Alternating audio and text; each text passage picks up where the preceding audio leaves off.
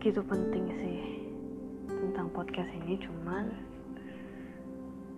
buat Foni sendiri yang sekarang mungkin lagi mengalami masa-masa yang agak sulit. Ini mungkin healing buat kamu. Buat kamu dengerin apa yang kamu rasain.